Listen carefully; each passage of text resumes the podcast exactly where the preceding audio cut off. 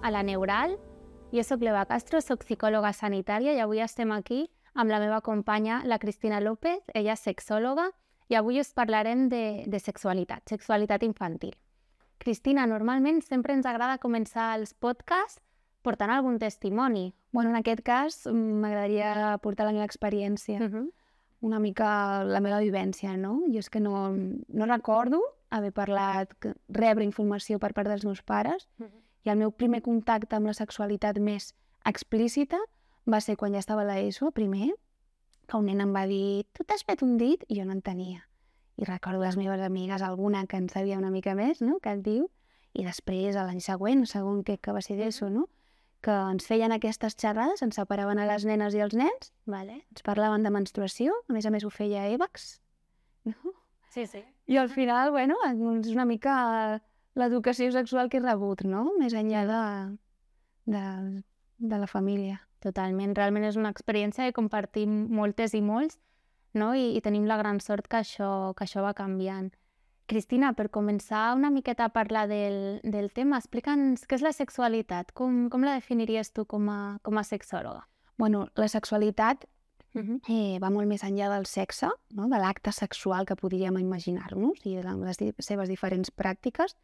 Està molt vinculat al plaer, -huh. amb, amb l'eroticisme, ui, amb, amb l'erotisme, no? Gràcies. Sí, perfecte. Amb el cos, amb uh -huh. l'afectivitat i l'amor, el vincle, eh, amb l'autoestima. Vull dir, al final la sexualitat són moltes coses, no? El gènere, l'orientació sexual, cap a on desitges, eh, l'expressió de gènere, no? També. Doncs sí, m'expreso més a nivell visual, eh, més masculina, més femenina, més andrògina, tot això està vinculat a la sexualitat. Totalment. És molt interessant que expliquis tota aquesta globalitat, perquè a vegades venim amb aquesta mentalitat, potser amb la que ens han, ens han educat a nosaltres, no? que tenim la sensació que sexualitat és només eh, el petting no? I, i la penetració o, o el que té a veure amb els genitals. Llavors m'agrada molt no? aquest enfoc global que, que estàs donant. A quina, edat, a quina edat creus que és recomanable començar a parlar de, de sexualitat tenint en compte tota aquesta globalitat no? que, té, que té el tema, Cristina? Bueno, des del principi de, de tot i fins al final de la vida. Al final eh, sempre eduquem, de fet, en sexualitat, no?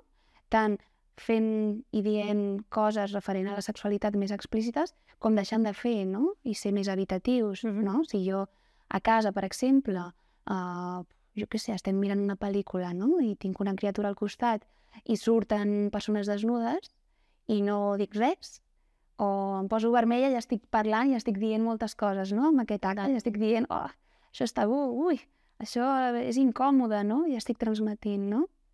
Més enllà de, de les paraules i de, de la part més explícita, no? I és molt important des del principi. Totalment, totalment. I és algo que suposo que tu deus, com, deus compartir, que, que com a pares, com a famílies, com a educadors, no ens hauria de resultar incòmode parlar d'una cosa tan, tan, tan mundana, no? tan, tan normal com, com és el sexe, com pot ser la nutrició o qualsevol altre àmbit de, de l'ésser humà. Tot i això és veritat que a consulta, no, molts cops, almenys jo, segurament tu també t'hi has trobat, molts pares que, bueno, que aquest moment de, de, de parlar de sexe amb els nostres fills o filles ah, veuen que els hi costa, els hi suposa un, un esforç, no? I, I volia demanar, a veure, de forma pràctica, com enfocaries aquest, aquest tema? És a dir, hem de seure el nostre fill davant i començar-li a parlar? Això que és millor, això que deies tu, no? De, d'aprofitar una pel·lícula, un, un llibre, una escena no? d'alguna sèrie que estem veient per començar a parlar. Explica'ns una miqueta com, com abordaries l'inici d'aquesta conversa.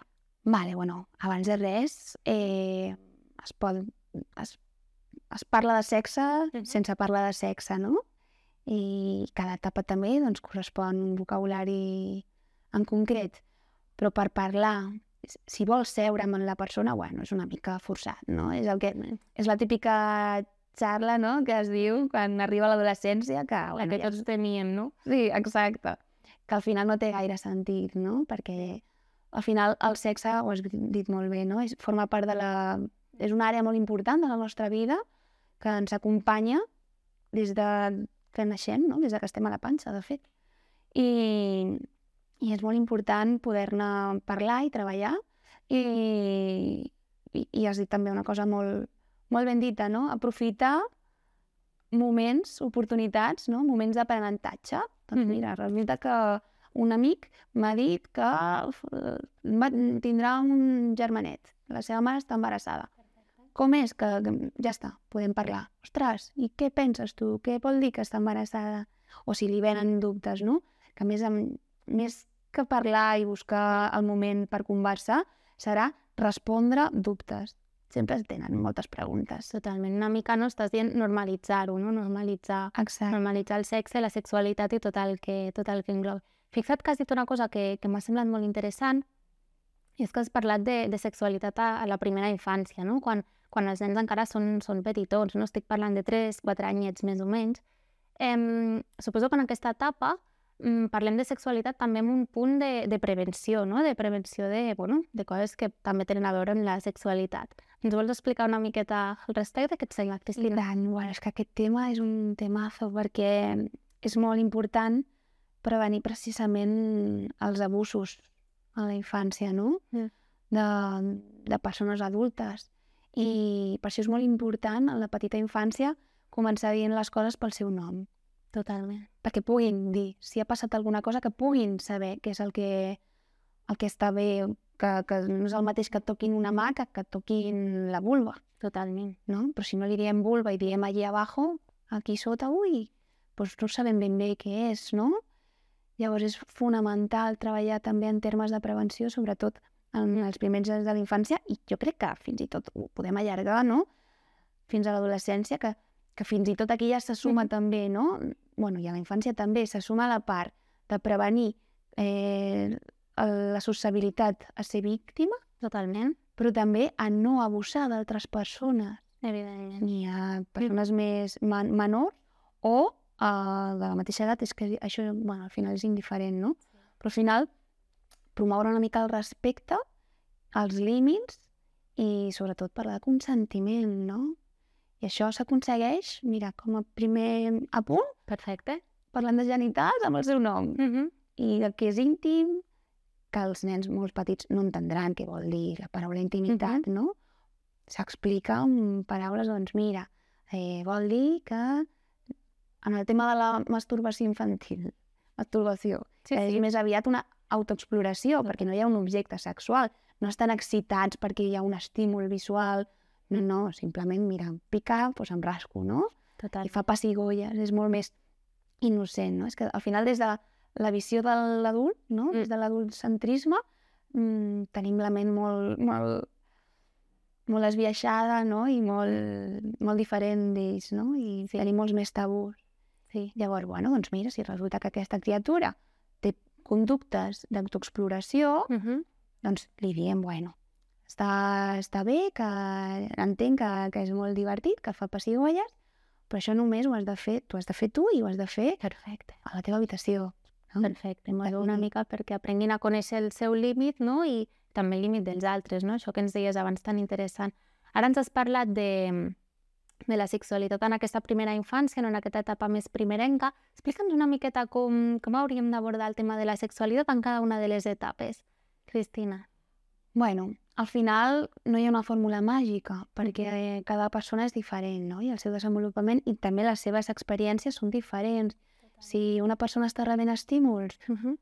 pues, més estímuls, per així dir-ho, no? Pues perquè a casa es veu unes pel·lícules i no hi ha poder el control per, de, per part de l'adult, o sí, però bueno, hi ha un acompanyament darrere, no? Doncs pues clar, si li explica a un company o companya, ostres, doncs mira, jo he vist això. Al final cadascú rep la informació que rep en el moment que la rep, no? Llavors, una mica, per adequar a cada etapa, Mm. serà preguntar què és el que vol saber. O preguntar, el primer de tot, preguntar eh, com, és que, com és que tens aquesta curiositat? Molt bé. Com, d'on has escoltat això, no? I, I respondre, que si no ho saps respondre no passa res. Mm. Li pots dir també. Li pots dir, ai, doncs mira, si vols, ho busquem junts. Podem anar a la biblioteca a buscar un conte. Perfecte. O mira, anem a agafar el, el telèfon i anem a buscar informació, que això tampoc t'ho sap explicar la mama, el papa o qui sigui, no? la figura de referència. Però bueno, d'alguna manera és que sigui adequat al seu vocabulari, Uh -huh. que sigui molt precís, no? Clar, no, no li diríem, si ens pregunten què és l'amor o què és, no sé, hi ha certes coses que poden ser molt abstractes i que realment la criatura no és el que vol. Vol saber una cosa en concret. Resulta que el col·le ha sentit la paraula fulla i no sap què és i, i només vol això i li dius una cosa simple i senzilla i ja li treus de dubtes, no? Que, mira, això és l'acte sexual que es fa amb els bebès, per exemple, m'ho invento, eh? Perfecte. Una mica per sobre. Llavors, eh, i demanar també si ho ha entès, si té més dubtes, fer aquest acompanyament no, que deies. Al final és un acompanyament. Perquè fixa't que ara és veritat, no? i segurament ho hem rebut tots com a societat, aquest input de que cada vegada eh, comencem, no? com, a, com a adolescents o preadolescents, a consumir pornografia, contingut pornogràfic eh, a, edats més, més primerenques, no? més, més avançades. I això, bueno, es parla molt últimament a nivell, a nivell social, que, que realment el, molts nens no? i molts adolescents i moltes nenes i moltes adolescents tenen com a, com a referent no? educatiu sobre el sexe el tema de la pornografia. I clar, evidentment la pornografia, com tots sabem, no és, no és la realitat, dista molt. Com, què en penses tu del tema? Com, com creus que ho podríem abordar, eh, gestionar com a famílies? Explica'ns una miqueta, Cris. Bueno, doncs mira, per desgràcia, el que deies tu, mm. que des d'edats molt tempranes ja estan exposats i exposades a la pornografia i, i sense voler, eh? vull dir que apareix perquè bueno, mm -hmm tenim accés i passa, no? Llavors, d'alguna manera, no negar que algun cop acabarà passant, no? Però acompanyar, donar la informació adient, no? Fins i tot explicar que sí, hi ha un contingut que és per adults, que no és la realitat, uh -huh. que tracta de pràctiques sexuals, pots dir amb altres paraules, depenent de l'edat, però que no és, que, que són coses que, que es fan servir per un propòsit, però no és la realitat, no? Perquè al final la pornografia fa molt de mal. Fa molt de mal, perquè deies tu, no és real eh, i pot, bueno, des de l'autoestima vale? i l'autopercepció i, i, clar, estem veient coses que, que són molt perfectes, no? O unes ereccions o, i unes duracions uh -huh. increïbles, no? Que després, bueno, ja tens l'expectativa de que això és el sexe, però no és el sexe. Però, bueno, és la imatge des d'aquí fins a tots els abusos que hi ha, les categories, mira, si mirem, hi ha categories de eh, germanastres, eh, doncs jo què sé, mentre dorm li faig això a no sé qui, a la meva parella. Estem normalitzant conductes que no són sanes, ni legals, de fet no són ni... No? Estem parlant d'abusos. Violència. en el límit que deies tu abans. Eh? Exacte, no? I els rols també mm, de gènere no? i d'identitat. Hòstia, doncs resulta que jo que sóc una noia, sóc una nena, resulta que aquest és el meu referent, no? Ser submissa i acceptar i dir a tot que sí i, i bueno, ja no parlem de, dels orgasmes, de, mm. de, de tot el tot el... Sí, no? la, la majestuositat, no? És, els petardos que sorten de... Exacte, de tot, no? De tota la pràctica. I l'home que ha de ser tota l'estona tenien accions, clar, al final, com a última instància, mm. el que li pot passar, com pot repercutir en una persona és que el seu desenvolupament, que no ha estat realista, no? les seves creences estan vinculades a una ficció, doncs que resulti que tingui problemes d'erecció, per exemple, o d'ejaculació, o mm. X, no? problemes més sexuals. La tota conseqüència no, d'aquesta educació bueno, és viaixada potser de, de la realitat que, que tenim a través, o hem tingut, que esperem que cada vegada sigui menys a través de la, de la pornografia. Uh, el tema de la sexualitat és un tema que, a banda de les famílies, no, també s'aborda, no, com deies tu amb el teu testimoni, al principi a nivell també dels centres educatius, tant a la primària com a la secundària. Com, com creus que s'hauria de, de parlar així molt breument de sexualitat als centres escolars a nivell com a societat, no? com a sistema? Com creus que ho hauríem de gestionar? Doncs mira, mm, començant des del principi, des de ben petits, mm -hmm. normalitzant certes coses, nombrant, esmentant els genitals, també respectant el gènere sentit de cada persona, que això també sí. és un altre tema, no? I no donar per fet pues, que la teva l'heteronorma, no? que totes les persones són heterosexuals o que, jo què sé, són cisexuals, no? que són persones que s'identifiquen amb el mateix, amb el sexe que correspondria amb el gènere, no? O sigui, em sento bueno, em sento, m'identifico com a dona i, a sobre els meus genitals Coincideixen. sexe biològic, sí. pues, això, normalitzant aquesta part des del principi. El tema de consentiment també es treballa des de Mm. tots i totes les adultes, no? Des de la coherència, doncs, si jo li estic dient a la meva criatura que mm, no ha de- d'acceptar petons, de, que si no vol fer un petó, no ha de fer un petó, doncs no, no obligar que faci petons perquè algú és familiar o perquè fa temps que no. no. Perfecte. I, i, i més enllà d'això, eh, respectar les criatures, les seves decisions, els seus espais, no? Demanar, per exemple, en, en el personal mèdic, et puc aixecar la samarreta, ara t'aixecaré, a- avisar, no? Molt bé. T'aixecaré la samarreta, que mirarem, t'escoltarem el pit, no? Anar demanant, normalitzar. I, i, bueno, i com a mares i pares, bueno, i Mhm. referents, vale? tutors i tutores, també crec que és molt important la part aquesta de, de ser una figura accessible, que crec que com a professionals també tenim aquesta tasca, no? I és ser accessible, estar disponible i en cas de dubte, estar allà per la persona que ho necessiti, no? Perquè a més a més, si entrem a l'adolescència, no vindran i em diran ai, tinc aquest dubte. No, segurament ho buscaran a internet o poder amb algun amic o amb alguna amiga que, que creguin que podria saber, no? Però clar, no, no, no serveix aquesta xarcla, no? aquesta xerrada de va, anem a seure, que ja és adolescent, anem a fer Mm. prevenció d'embarassos no desitjats i de, i de mm, malalties, no? De, de, De transmissió. de transmissió sexual. Llavors, que això també és una part que hauríem d'abordar la sexualitat com a una cosa molt més ampla que, que aquesta part de prevenció, des dels centres sanitaris, des de les escoles, i la part biològica també, no? Dels col·les, de ciències naturals, doncs estudiem això. Doncs, clar, poder parlar de plaer, no? I, i, si fem... Estem allà, al final, quan arribi el moment, aquesta persona et podrà preguntar, podrà venir, no? I si no, aprofitar anècdotes d'altres persones, coses que estan passant al nostre voltant, pel·lícules, cançons, vull dir que hi ha moltes... Hi ha molts recursos al nostre voltant. Que bé. Mira, Cris, aprofito això que dius, no? que tenim molts recursos al nostre voltant per demanar-te si, si com, a, com a experta, com a sexòloga, se'ns podria recomanar algun llibre, alguna pel·lícula, eh, bueno, que ens pugui ajudar no? com a pares i educadors, tant, tant per als nens més petitons com per als més, Doncs més mira, grans. dient això, eh, com a més audiovisual, hi ha una sèrie que es diu Sex Education, que tothom, suposo, molta gent l'haurà vist, que a més a més és molt interessant Mm. veure-ho, mirar-la com a adult, com a adulta, perquè abans de parlar de sexualitat és molt important també revisar-te.